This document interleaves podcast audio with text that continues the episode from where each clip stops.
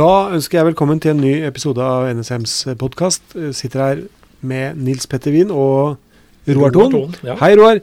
Eh, vi skal følge opp litt fra det vi har snakket om tidligere, med statlig hacking og One of the Good Guys, eh, pentester, eh, Nils Petter. Hvordan gjette passord? Hva driver dere med når dere gjør det? Det er jo mange måter å gjøre det på. Mm. Um, som jeg sa i forrige episode, det er mye psykologi knyttet til pentest, eh, til passord. Mm. Hvordan velger folk passord? Mange sitter og ser ut av vinduet og tenker 'hva er det jeg ser'? Ja, for dere, jobben din den går ut på altså det å drive med inntrengingstesting, eller pentesting, penetrasjonstesting. Det går ut på å utføre reelle, men kontrollerte dataangrep for å teste sikkerheten i informasjonssystemer. Etter anmodning fra de som eier dette systemet. Og da er det å komme seg inn via passord, det er liksom den vanligste måten. Det er den enkleste måten. Ja. Det er som regel alltid det første som prøves, fordi det er så enkelt, og det er såpass ofte at det lykkes veldig bra. Men hva er, hva er et dårlig passord?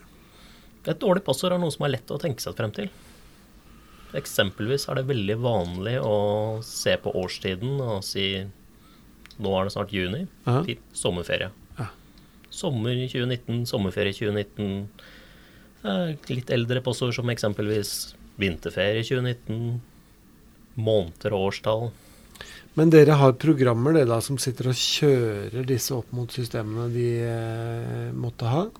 Ja, vi tester det med, tester det med B-programmer, men når du tester Det første du gjør, er jo å teste som en mot en vanlig bruker, og da kan du, må du teste veldig få ganger. Ja. som, som en vanlig Før det går i lås, ja. Så går det fort i lås. Så da kan du teste kanskje ett eller to passord maks i løpet av en halvtime, eller hvor lang tid det måtte være. Ja. Og så er det pause. Og så er det pause. Ja. Du vil ikke låse ut alle. Jeg ser for meg at det kan bli litt lange dager. Du gjør det som regel ikke så veldig mange ganger. Nei. Eh, Veldig ofte så får du en, noen treff ganske fort, og Ja. det er som regel det man trenger. Og så gjør du jo det parallelt med alt mulig annet. Ja. Er det noen liksom sånn altså du, du sier jo årstider, vindu osv. Altså, eh, gjør dere hva på å si, vurderinger i forhold til Hvis dere ser på en konkret person, kan dere nærmest gjette dere til altså, hva Altså Er man interessert i sport? Hva er favorittfotballag? Altså? Det er så mange sånne variabler som ligger i, psykologisk i oss, vi bruker veldig fort sånne, sånne ting. Det er veldig mange som lager passord som er en kombinasjon av fotballag, eh, fotballag de ikke liker, fotballspillere de liker. Eh, For vår del så er det vanskelig å gjøre sånn av personvernhensyn, men som en eh, ikke så good guy, så hadde Ja. jeg gjort akkurat det. Ja. Jeg har gått på Facebooken din og sett hva er det du interesserer deg for. Mm. Og ser du da masse bilder fra Old Trafford, som er Manchester Uniteds eh, arena, så vil du prøve alle United sine spillere, og du prøver kombinasjoner av Manchester United. Mm. Gjerne kombinert med deres motstanderlag som de ikke liker, med negative fortegn. Jeg hater Liverpool, altså. Eksempelvis. men jeg Jeg har funnet det òg. Jeg syns dette høres uh, Altså, jeg merker at jeg blir litt skuffet over, over folk òg, for det høres så banalt enkelt ut. For dere får faktisk treff på det, disse greiene. Som regel får vi det. Det er Men- Ja, altså, men, men det, det, det, det- jeg mener jo at vi, det skyldes litt oss sjøl, altså sånn, ikke mm. oss uh, sånn Nei, nei. direkte, men, men bransjen sjøl. At vi har, vi har tvunget folk inn i et mønster hvor, hvor ting Altså, de tvinges på mange måter til å, til å ta de enkle valgene, ta mm. snarveiene. Fordi du f.eks. må bytte passord veldig ofte, og og sånne ting. Ja. Istedenfor å la de rett og slett få, få lage seg et eh, kanskje skikkelig godt passord. Ja. eh, som de ikke trenger å ja, sjonglere og stadig bytte. helt enig i det. Mm. Eh, Den empirien vi sitter på, er gjerne at hvis du byt, krever folk bytte passord veldig ofte, særlig som krever en gang i måneden eller noe, så får du virkelig dårlig passord. Ja. Mm. Med lengre tid, spesielt hvis du lærer brukerne til hvordan de lager gode passord, Mm. så blir det noe helt annen kvalitet av passord. Passord må ha lengde, de må være 12-13 tegn lange for at de skal være gode. Mhm. Det holder ikke med 8 tegn selv om de er tilfeldige, for folk lager som ikke tilfeldige. Men det er viktig å poengtere at selv om det er lange passord, så må de være komplekse. Men, men, hva legger du i kompleksitet? For noe av det vi har, har liksom kommet med av råd uh, i det siste, da, har jo vært uh, setninger. Dialekt, mellomrom. Men snakker du om kompleksitet da med tall, tegn og symboler, altså den type ting? Det kan være både òg. Altså, en setning i seg selv er ikke spesielt god når det er en ordentlig setning. Mens en setning som er typisk syntaktisk korrekt, eller ukorrekt, ja. er et mye bedre passord. Ja. Så vi ser et enkelt eksempel som 'Lisa gikk til skolen'. Så står det i mange bøker, det står i ordbøker. Det er ting du kan gjette deg frem til. Men passordet 'Lisa til skolen' gikk med en stor S. Mm. Da får du en kompleksitet inn i selve passordet som gjør at du kan ikke bare gjette det manuelt. Jeg, jeg, er litt sånn, jeg, er alltid sånn, jeg, jeg blir litt sånn skeptisk til sånne eksempler. Altså, Eksempelet du kom med, det er godt, men Lisa gikk til skolen er en sånn typisk greie som bransjen har brukt til å si at vi må jo også ha disse unike passordene.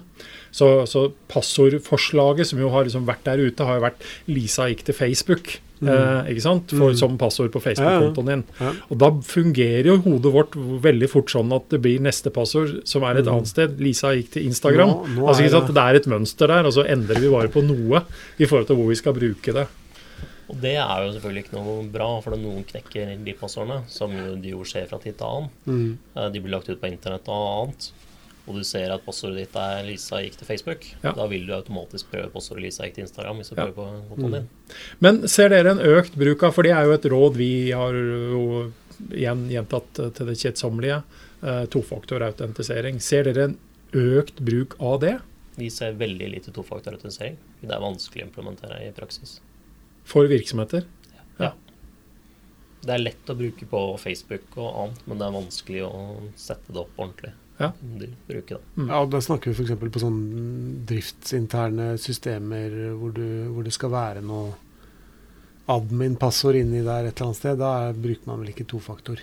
Nei, dessverre bruker man sjelden det. Og Men er det mulig? Altså, Vil det la seg realistisk sett gjøre?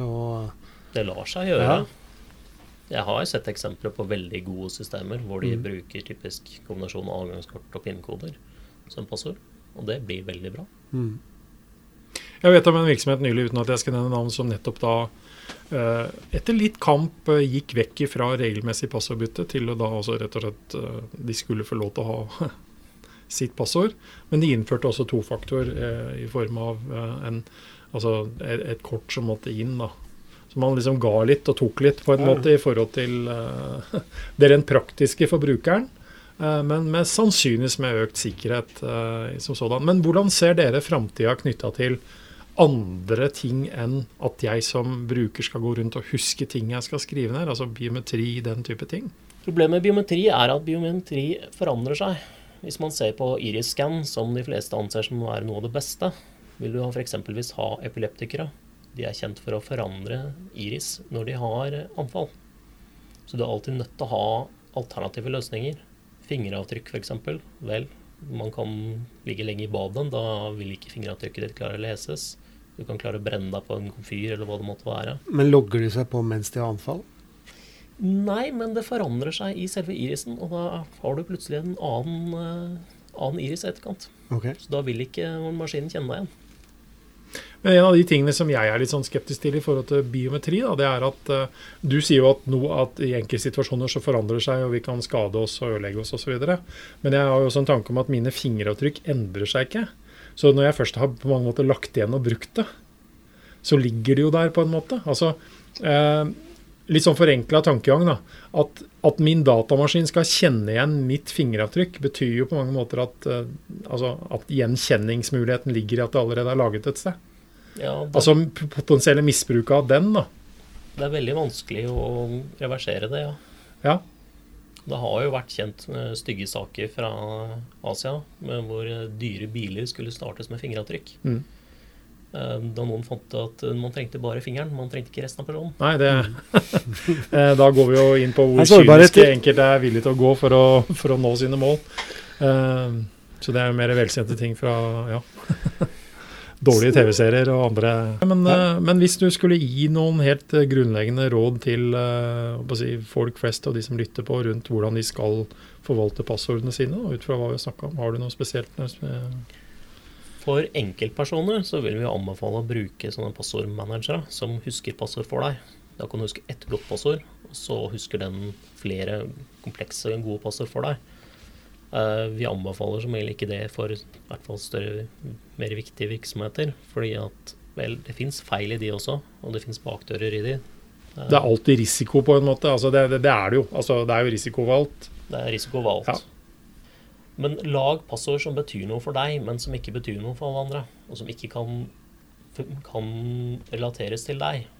Eller i hvert fall i minst mulig grad relateres til deg. Ja, I hvert fall ikke så lett uh, gjettes av dere når dere kommer.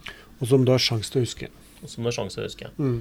Og det kan jo være så enkelt som være et par ord, hvorav ett av ordene sier noe for deg, eh, og enkelt for deg, men de andre klarer du å huske fordi et eller annet. Ja. Hvis f.eks. du kan tenke Hvis du har hytte på Valdres, så er det dumt å skrive 'hytta mi er på Valdres'. Men hvis passordet er Valdres, og navnet på stedet du f.eks. vokste opp, og så en stedet du gikk på videregående skole, så har du tre ting som hver av dem betyr noe for deg. Kan i teorien klare å gjette seg frem til, men du må klare å gjette deg frem til de, og du må kombinasjonen, og det blir veldig mye som skal til for å klare å gjette deg frem til fossere. Ja. Og gjerne ha noe spesialtegn i det. Ja. Mellomrom, f.eks. Er det spesialtegn? Mellomrom er veldig bra. Ja. Det vi veldig ofte ser med passord, er at folk lager et passord som består av en stor forbokstav, eh, så små bokstaver i et ord, og så gjerne et tall på slutten. Eventuelt, hvis da det er krav om at du skal ha kompleksitet i passordet, så den gir deg feilmeldingen passordet fortsatt ikke godt nok, så blir folk sure og tar et utropstegn på slutten. Bang, det fungerte. Mm. Men, men, der er jo, altså, Nå skal vi runde her, men der er liksom litt av utfordringen vår. Da, det er at uh, man noen ganger uh, kommer med råd som, uh, som, er basert på empiri og de altså det dere ser. og det, ut, det har utvikla seg over tid. Samtidig så er det brukerne blir utsatt for der ute, er ikke nødvendigvis det samme. For du møter veldig mange rare passordpolicyer der hvor man skal sette passordet sitt. Sånn at noen av de, noen av de rådene vi faktisk kommer med, ikke nødvendigvis kan implementeres der hvor man har tenkt å sette det. Fordi det mangler sånn, eller det er faktisk noen ganger for langt. Mm. altså, ikke sant? Altså, eh, du møter noen sånne rare ting der òg som ikke nødvendigvis gjør det enkelt for brukerne. Det er veldig vanskelig, som du sier, å komme med noe konkret løsning. Ja. Mm, det er veldig mange som har sin, sin løsning. Ja. Og det er ikke alltid men, men, en viktig ting å huske på er at, at passord er en av de tingene som som den enkelte forvalter sjøl og bør ha et bevisst forhold til. Altså for å være med å sikre seg og sitt. Alle bør, bør tenke seg over hva slags passord de bruker. Spesielt personer med forhøyede rettigheter i systemet. Min personlige favoritt gjennom tidene var den gangen vi fant passord i domene, altså domeneadministratorpassordet, var 'velkommen'. Ja. Jeg husker jeg tenkte takk da jeg skrev det. det er velkommen til de aller fleste. Da, la, da avslutter vi, Roar. Det gjør vi. Ja. Takk for oss. Takk for oss.